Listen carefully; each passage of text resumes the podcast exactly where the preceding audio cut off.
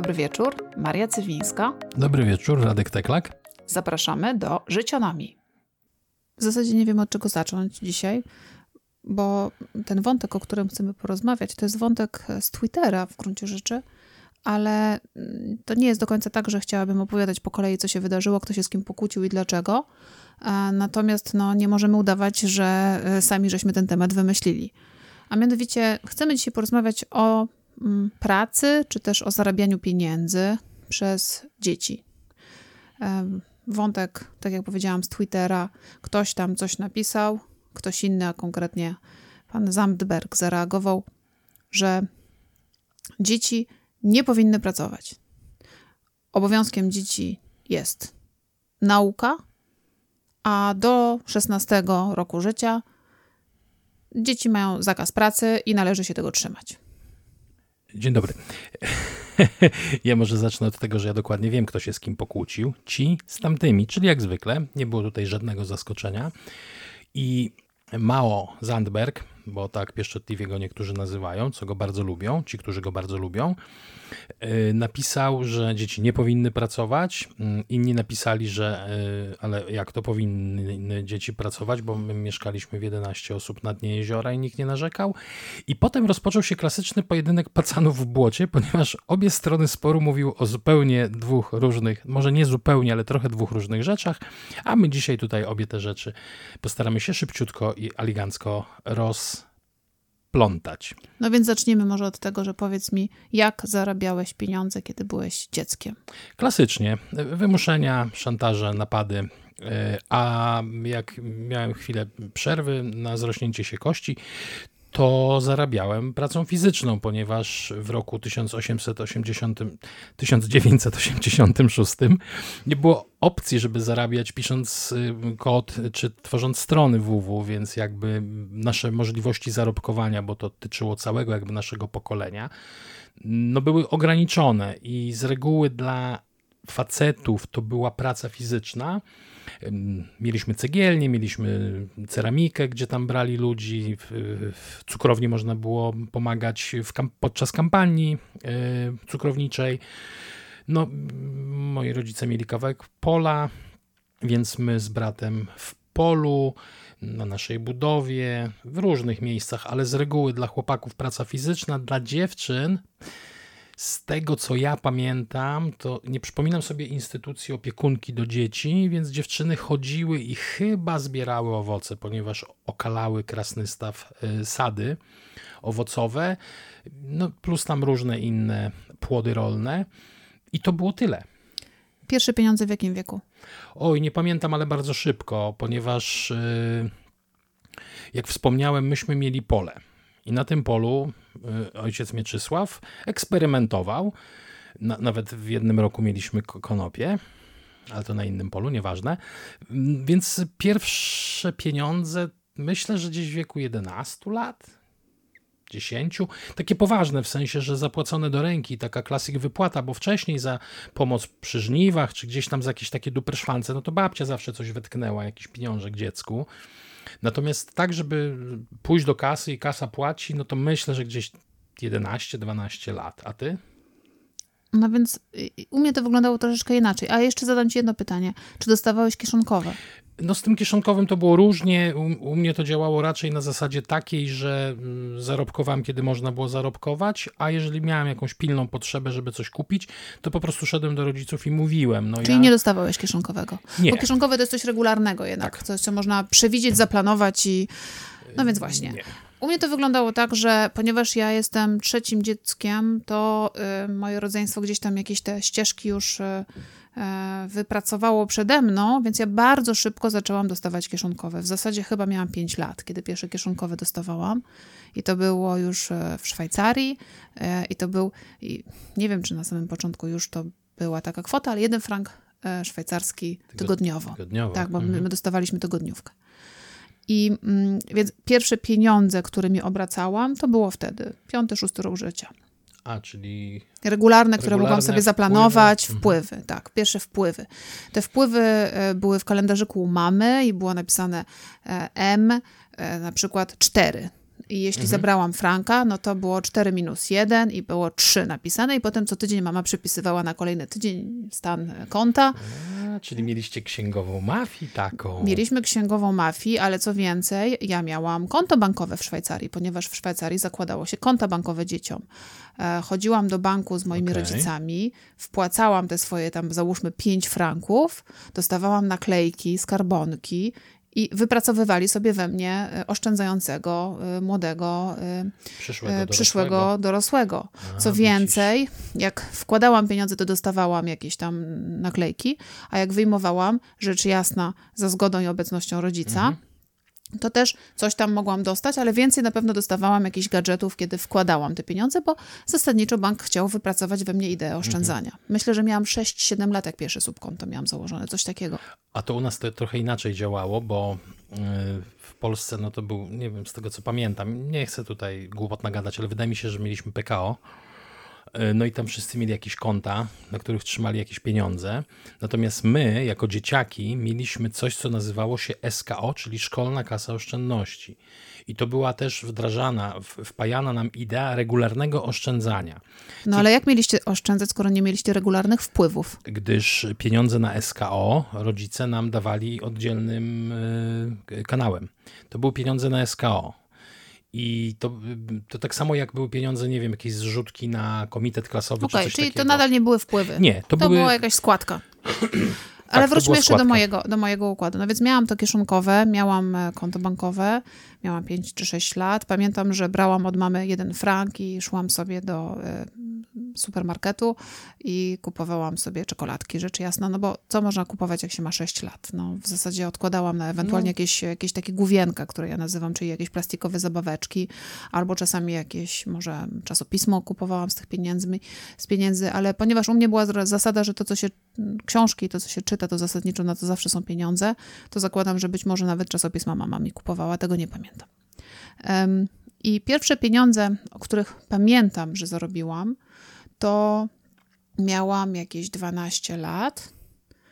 I to były już moje takie pierwsze poważne pieniądze. Mhm. Ojciec mi zlecił tłumaczenie swojego artykułu o europejskości z języka polskiego na język francuski.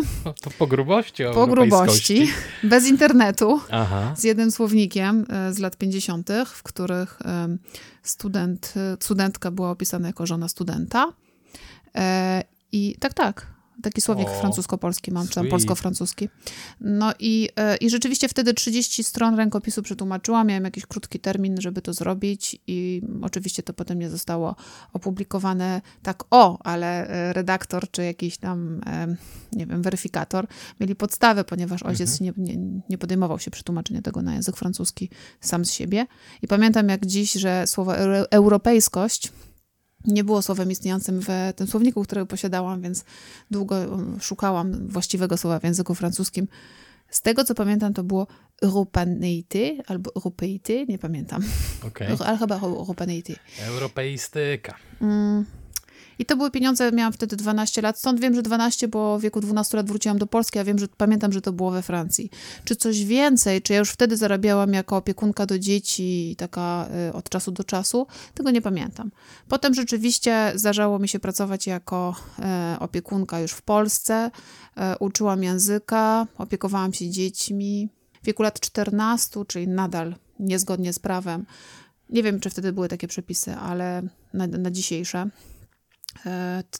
roznosiłam katalogi reklamowe mhm. po e, Woli, e, dzielnicy Woli. Musiałam na takiej kartce oddzielnej zdobywać pieczątkę, więc mogłam rozdać taki katalog każdemu, kto miał pieczątkę i za każdą pieczątkę dostawałam jakiś tam drobny pieniądz. Ciężko było i gorąco, pamiętam. To była moja pierwsza chyba umowa, pewnie zlecenie.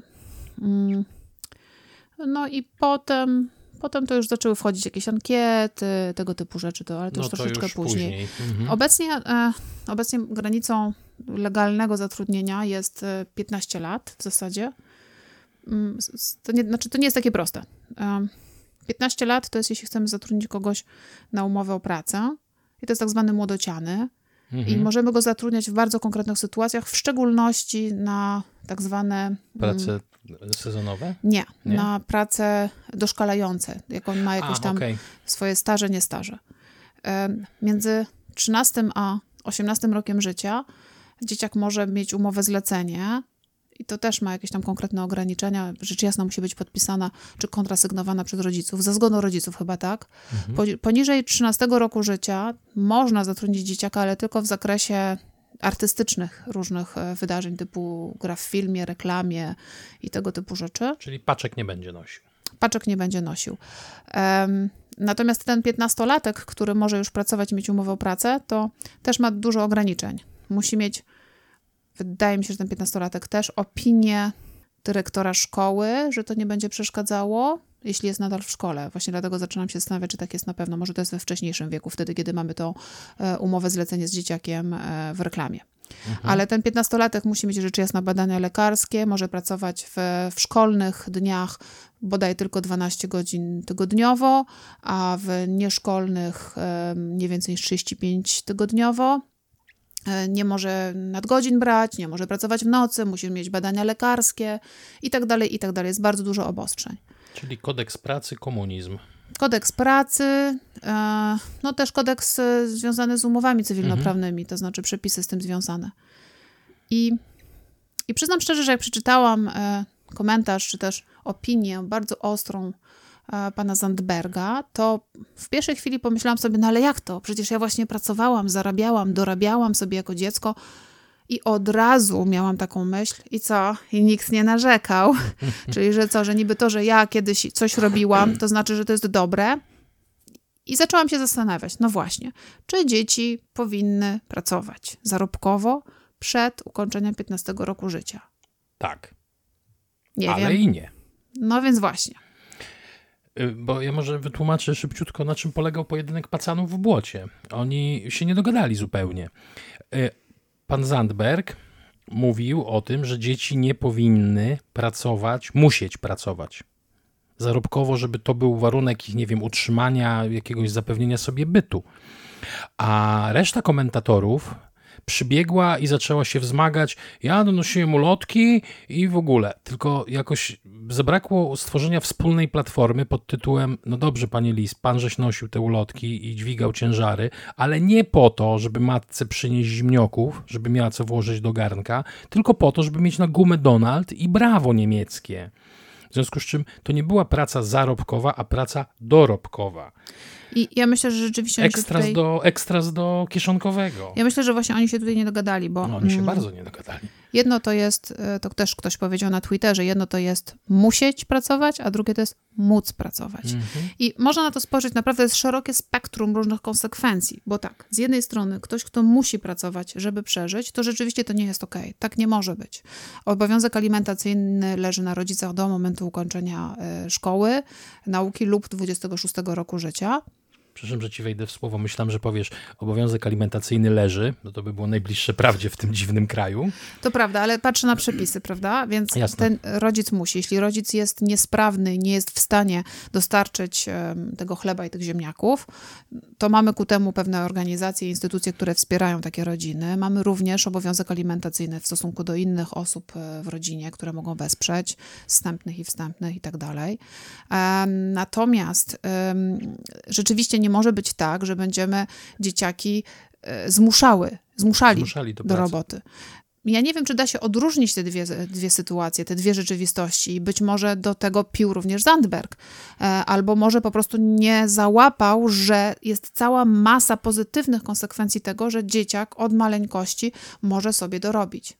Ja bym zaczęła od tego kieszonkowego.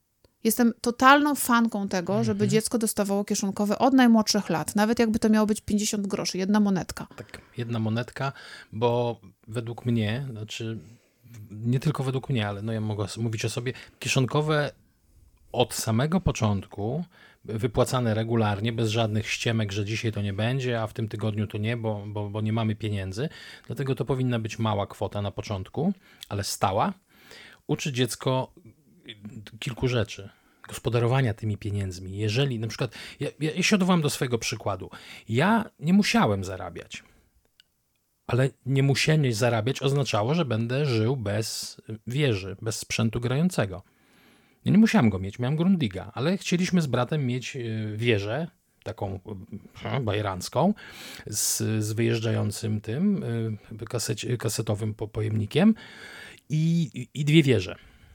W związku z czym no, musieliśmy sobie na to zarobić nie byliśmy w stanie wyrwać tych pieniędzy od rodziców, wyrwać tych pieniędzy z końcówek, z zakupów. No, tam wiadomo, że się nie rozliczaliśmy jakby Ja się bardzo. rozliczałam co do grosza. No, u nas różnie było, no to bo... było płynne. Więc my musieliśmy zarobić mhm. i przynieść te pieniądze i powiedzieć, odłożyliśmy tyle. I, najczęściej kończyło się to tak, że rodzice nam dokładali brakującą część, ale to nie było tak, że myśmy przynieśli 5 tysięcy, a rodzice dołożyli 50. Mówimy o starych tysiącach. Mówimy o starych tysiącach. To e... było raczej tak, że myśmy przynieśli 60, a rodzice dołożyli 10. Więc, więc właśnie biznes. E, jedno to jest gospodarowanie pieniędzmi, mhm. drugie to jest też dbanie o własność. Bo jeżeli ja wiem, że w kalendarzu mamy napisane 4 zł, a następnym tygodniu mam dostać jeszcze jedno złote, 4 franki, mam dostać mhm. jeszcze jeden frank i powinno być 5, a widzę, że jest nadal cztery, to idę i sprawdzam, tak. co się wydarzyło. Kontroluję swoje y, zasoby. Dbasz o swoje. Dba, dbam o swoje mhm. aktywa.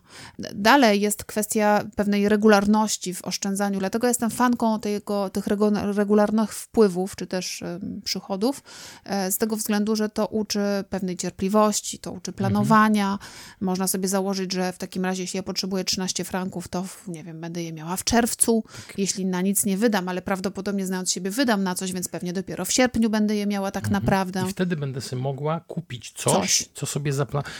Tak, Czyli no. to, jest, to jest planowanie, mhm. to, jest, to jest też e, kontrolowanie, monitorowanie. Wreszcie to daje bardzo dużo takiej wolności.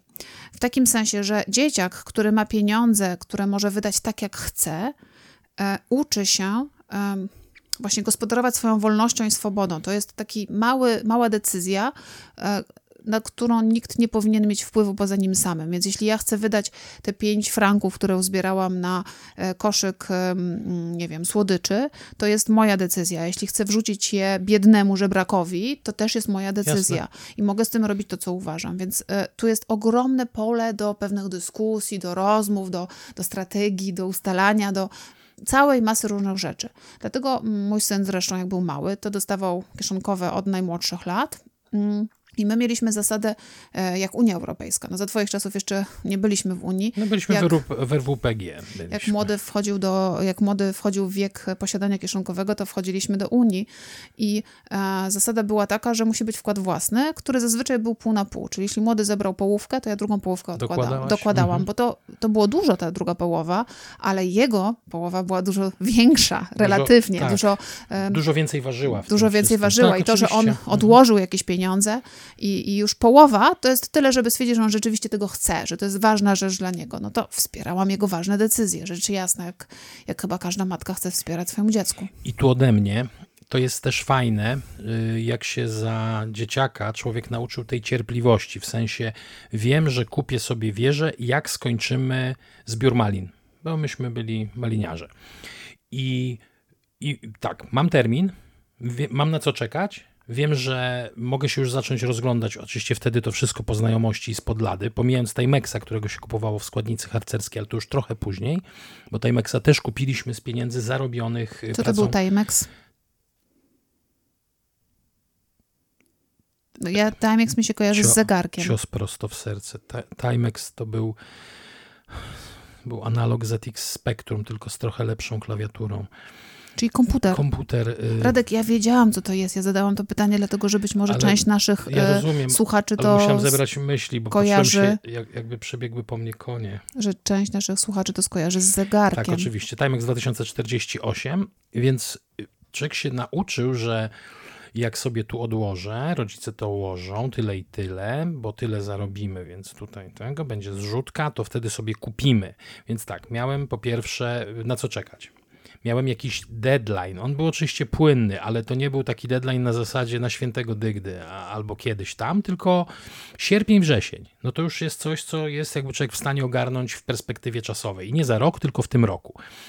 I to przepromieniowało później y, na, na, na jakby w przyszłość, że e, dużo przyjemniej kupuje, mi przynajmniej, przepraszam, mi bynajmniej, dużo przyjemniej kupuje się rzeczy, na które odłożyłem sobie pieniądze, bo jakby dla mnie wejście do sklepu, kupienie sobie czegoś, jakby odziera ten cały fakt z, z tej przyjemności. Ja sobie wolę odłożyć, mówię o większych trochę rzeczach, nie mówię o, nie wiem, słuchawkach za 50 zł, bo to jakby nie popadajmy w absurd, ale przyjemnie jest, jak sobie wchodzę i na przykład pierwszego Kindla, nie, jak kupowałem, jeszcze takiego z klawiaturką, to ja sobie tak policzyłem, że mogę go kupić od razu. Ale nie, bo to nie będzie takie fajne, że pójdę i z pensji kupię. W związku z czym odkładałem sobie jakieś pieniądze, ale oczywiście jak pojawił się na Legrze używany taki jak chciałem, no to już wiadomo, że no wtedy człowiek nie wybrzydzał, tylko po prostu szedł i brał co było. Więc kupiłem sobie tego tego Kindla, ale mogłem go kupić wcześniej. Natomiast to oczekiwanie jest takie fajne, odsuwanie w czasie tej przyjemności, tej gratyfikacji, to uczy tego, że nie gratyfikujemy się od razu. Jakby... Tak, to też jest element wychowawczy jak najbardziej, taki mhm. psychologiczny. Ja bym powiedziała, że jest jeszcze jeden element wychowawczy w tej historii, to jest, teraz nie wspomnę dokładnie, jak te badania brzmią i jak to wygląda, ale są różne poziomy świadomości, skąd się biorą pieniądze. Dzieciaki myślą, że pieniądze biorą się z portfela mamy ewentualnie z bankomatu. E, trochę starsze dzieci powinny już wiedzieć, że w tym bankomacie te pieniądze się wzięły dlatego, że mama je wcześniej tam wpłaciła albo skądś przyszły jakiś wpływ. A jeszcze dojrzalsi ludzie wiedzą o tym, że te pieniądze tam są, dlatego że bank daje e, jakiś procent i dlatego się opłaca wrzucić się do banku.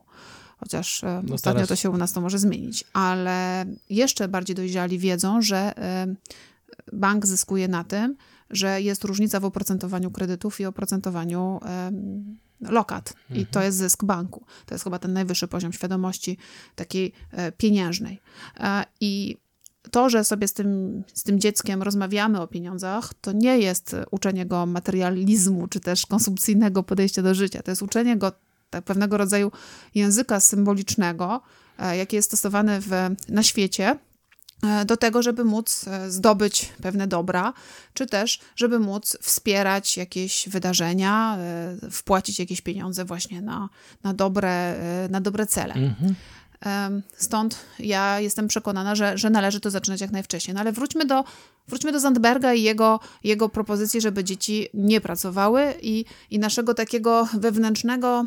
Mm, przekonania, że to jest złe to, co on mówi. To znaczy, że e, młodzi ludzie 10-12-letni, jak chcą sprzedać jakieś swoje rzeczy, bo potrzebują kasy, czy, e, czy młodzi ludzie, którzy chcą e, w jakiejś, nie wiem, stanąć na targu i, i zrobić wyprzedaż garażową, czy młoda dziewczynka albo chłopiec, czemu nie, który będzie się zajmował innymi dzieciakami i za to dostanie trochę pieniędzy, żeby rodzice tychże dzieci mogły pójść, mogli pójść do kina, czy też na imprezę. Czy to wszystko też powinno być zakazane? W moim przekonaniu nie. Nie, on chyba nawet, ja, ja nie, nie wiem, ja tą dyskusję, ona zmandrowała tak bardzo, że ja się już zgubiłem. Natomiast według mnie to nikt nie postuluje całkowitego zakazu pracy młodocianych. Nie no, on to postuluje. On to postuluje. Ja, Aha, ja bym raczej powiedziała, dobra, że to ja nie, nie doszedłem tak daleko. Nie powinniśmy postulować zakazu zarabiania, dorabiania, czy też posiadania pieniędzy, które mhm. się nie dostało, a na które się zapracowało. Tak. To raczej no, to, o to mi chodzi chyba. To, to, powinniśmy kijem wypędzać taką chęć, że opieramy model biznesowy na niepłaceniu ludziom za wykonaną pracę. Za to bym karał z całą bezwzględnością i, i, i napuszczał aparat państwa. Natomiast dla mnie idea zakazu pracy młodocianych, jakkolwiek jestem w stanie zrozumieć, skąd ona wypływa. Ona wypływa stąd, że my nie jesteśmy w stanie kontrolować. Cały czas y, miejmy z tyłu głowy, żebyśmy nie patrzyli na wszystko Warszawo albo dużo miasto centrycznie. Wyjedźmy na prowincję, wyjedźmy do tej Polski powiatowej, wyjedźmy na wieś i tam postawmy się w tej sytuacji, że dziecko idzie, zarabia pieniądze, po czym przychodzi do domu i je oddaje bo nie ma co do przysłowiowego garnka włożyć. Albo przychodzi do domu i ma te pieniądze na swoje rozrywki, na kieckę, na spodnie, na y, piwko z kumplami, na cokolwiek. Nie no, przed 15 rokiem życia to nie powinien jednak tego piwka z kumplami. Dobra, to na piwo bezalkoholowe. Yy, więc tu, tu myślę, że tu jest ten kłopot, że my nie jesteśmy w stanie, bo jeżeli my ze wszystkim my będziemy chcieli wszystko kontrolować, no to nie jesteśmy w stanie kontrolować wszystkiego. Natomiast tutaj jest dosyć wrażliwy motyw, i, i dosyć wrażliwa rzecz, czyli ta forma pracy młodocianych, bo jeżeli on zarabia, bo musi, to jest to słabe. To znaczy, że system państwowy się nie sprawdza. Tak, jest Bo dzieciaki, tak obowiązkiem dzieciaka jest pójść do szkoły i się uczyć. I najlepiej się uczyć po to, żeby w przyszłości móc tę naukę wykorzystać w praktyce. Mhm. Natomiast jeżeli on chce, to on powinien móc dorobić sobie trochę kasy za pracę lub za sprzedaż swoich rzeczy, oczywiście ze zgodą rodziców. No nie możemy, nie możemy zabronić, żeby dziecko sobie dorobiło do kieszonkowego, nawet jak go nie dostaje, żeby miało coś dla siebie. Bo no, jakoś zapędzamy się w taki, no, taką trochę patologię, w sensie taką takie dziecko, dzie, dzieci, wiesz, bananowe i helikopterowe, to znaczy takie dzieci, które co do 16 roku życia, czy tam do 15 obecnie e, nie będą pracować, w związku z czym e, nie znają w ogóle wartości tego pieniądza zarobionego, e, wszystko im się podaje na tacy. Nie, nie jesteśmy mhm. fanem tego. Ja uważam, że rzeczywiście e, praca ma swój element wychowawczy i za pracę powinno się coś tam zapłacić. Tak. I tutaj jeszcze trzeba jedno odróżnienie zrobić, to jest, czy płacimy za wszystko, czy płacimy tylko za niektóre rzeczy, bo też nie wyobrażam sobie, żeby miał być cennik, że za wyprowadzenie psa, czy też za wyniesienie śmieci, to dzieciak dostaje za każdym razem złotówkę. Nie, no oczywiście. Taki system uważam, że nie jest w porządku, bo to jest taki dzieciak, który potem e, w swoim małżeństwie będzie prawdopodobnie mm, podobnie, podobnie mm, wyceniał różne czynności, bo nie będzie przyzwyczajony do tego, tak. że coś się robi ze względu na wspólne dobro. I tu pewnie jest znowu taka granica, która jest trudna do określenia dla niektórych rodziców, za co płacimy, za co nie płacimy, ale mm, to trzeba sobie stworzyć pewien system. Nie ma nic lepszego dla dzieciaka niż system, który może zaplanować, przewidzieć i który jest e, konsekwentny. Zresztą, mm, jak cofnę się do, do własnej osobistej definicji, czym jest dobre rodzicielstwo, to jednym z elementów jest właśnie bycie konsekwentnym. Ja na przykład jeszcze chciałem tu do jednej rzeczy nawiązać. Ja nie wiem jak brat, nie wiem jak Jarek, natomiast ja często się zrzymałem, że kurde, wakacja, my musimy pracować. Ale u nas zasada była jedna żelazna, nieprzekraczalna. Nie ma takiej pracy, za, której nam się, za którą nam się nie płaci. Przy czym y, oczywiście nie mówimy o wynoszeniu śmieci, tylko taka praca, praca. Że jedziesz na cały dzień i pracujesz u rodziców, nie? Nie ma opcji, żebyśmy my za to nie byli podliczeni. Więc jakby ja nie czułem się, czułem się niefajnie, no bo kumple siedzą na biwaku, ale za to potem w sierpniu, jak się pojechało na ten biwak i miało się trochę więcej pieniędzy, to było fajnie bo można było, nie wiem, piwo komuś postawić, można było kupić lepsze piwo, albo lepszą kiełbaskę sobie zjeść, albo nie jeść takiej mielonki, tylko gulasz angielski najlepszy na świecie. Więc my mieliśmy płacone za pracę fizyczną, za pracę jakąś tam. I mi to nie odpowiadało, ale odpowiadało, bo miałem hajs. Natomiast ja uważam za coś, co mnie osobiście odrzuca, i to jest, za moich czasów było to domena wsi, czyli dzieci traktowane jako darmowa siła robocza. Jakby w ogóle nie było takiej dyskusji w głowie, nie było takiej myśli, że dzieciak, któremu zabraliśmy wakacje, a potem pogoniliśmy go w pole na 12 godzin w czasie żniw czy czegokolwiek, nie dostaje za to ani grosza. Bo wytłumaczeń było mnóstwo bo dziecko się rozpuści, bo się zepsuje, bo i tak nie mamy, bo biednie żyjemy i tak dalej, i tak dalej. Dla mnie to była jakaś w ogóle fantazja. Jak słyszałem, że dzieciaki na wsi, ze wsi, no bo miastowe, no dobra, tam Krasnystaw bez szału, ale miastowe.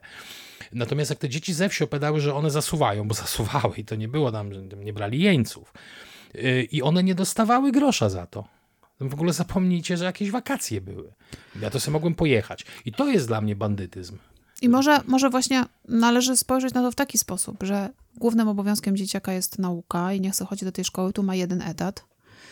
Drugie 8 godzin dziennie mu zajmuje sen i zostaje 8 godzin. I te 8 godzin pozostałe to powinny być 8 godzin na zabawę, na mhm. odpoczynek, na kontakt z kumplami i na dorabianie, jeśli ma na to ochotę, ale e, nie może to być e, wymuszone, nie może to być obowiązkiem jego, no bo wtedy rzeczywiście to jest kryminał w moim przekonaniu. Mhm. Ja myślę jeszcze o czymś takim, że brak własnych pieniędzy e, może bardzo niefajnie potem spowodować pewnego rodzaju e, konsekwencje w życiu dorosłym. E, dzieciak, który nie zna wartości pieniądza, który nie potrafi kupić sobie podstawowych rzeczy, albo który dostaje tej kasy tyle od rodziców bez żadnego związku z czymkolwiek i w związku z tym nie ma postawionych granic w tym zakresie, to, to wszystko może mieć wpływ na późniejsze zachowania w życiu dorosłym, dlatego uważam, że należy zadbać o to, żeby te systemy były przemyślane, żeby one miały jakieś ręce i nogi, a nie, że jednego dnia dostajesz e, stówkę, a drugiego dnia, dlatego że się źle do mnie odezwałeś, to ci zabieram trzy stówki i wyjmuję ci z twojego własnego, z twojej własnej skarbonki. Mhm. E, znam też takie historie, że dzieciak dostaje kupę kasy na komunię, ale to idzie do wspólnego kotła i dzieciak tych pieniędzy w ogóle nie widzi. E, to się często zdarza. No nie cool. Mm. Albo, że właśnie dostanie, dostanie od jakiejś tam e, babci, cioci czy coś takiego do koperty czy do skarbonki sobie włoży, a mamusia pożycza i nie oddaje.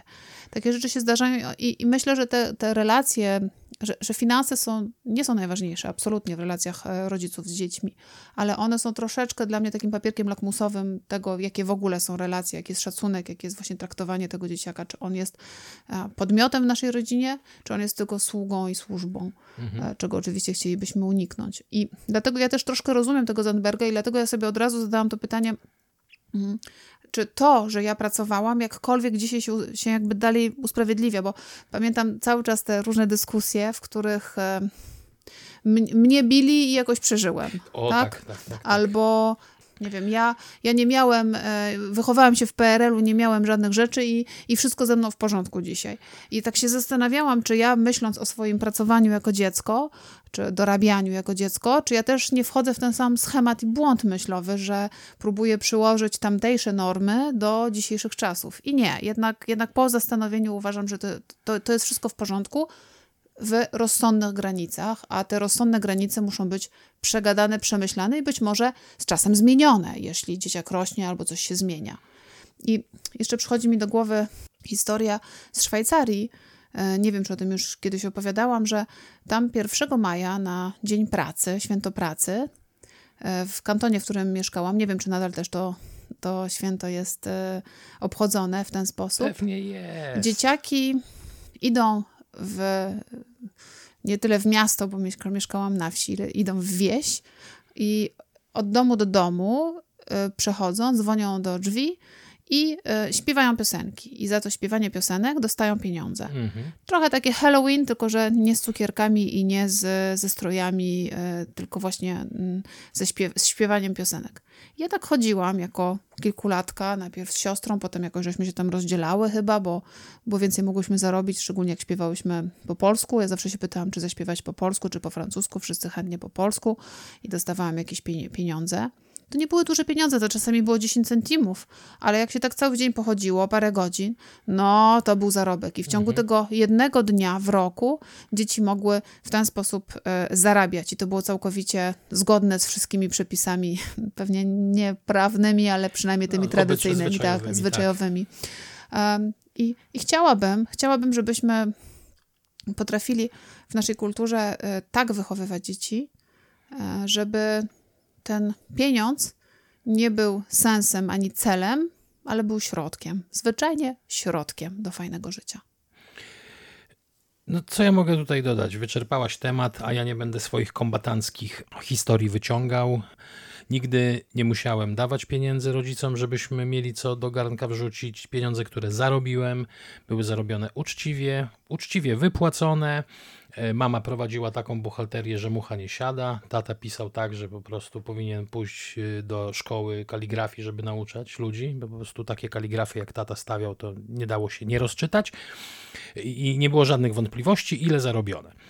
I, i, i to później jakby promieniuje na, na przyszłość. W sensie człowiek się uczy po pierwsze rozumie wartość tego pieniądza.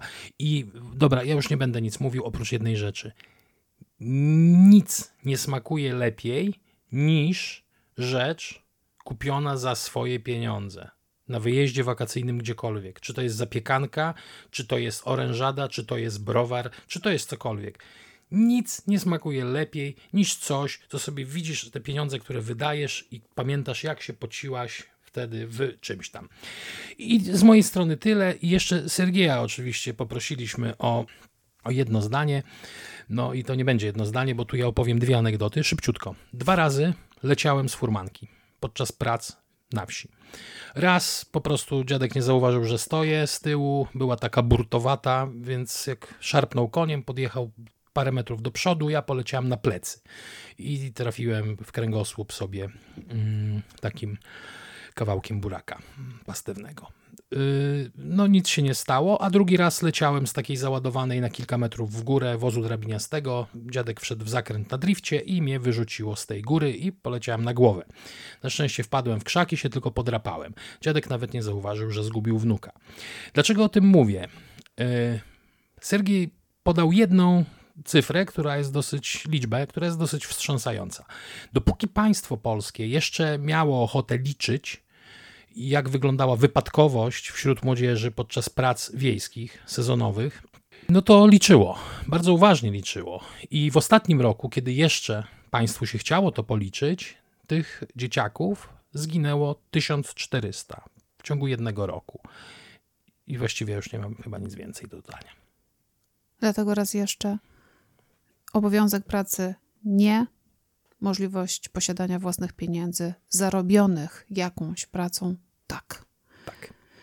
E, a tymczasem będziemy się dzisiaj na dzisiaj żegnać i życzymy Wam miłego wieczoru, miłego dnia, miłej nocy, miłego tygodnia, w zależności od tego, o której będziecie nas słuchać. Bo oczywiście będziemy Was nawiedzać. To była Życionomia. Żegnają się z Państwem Maria Cywińska i Renek Teklak. Do usłyszenia wkrótce.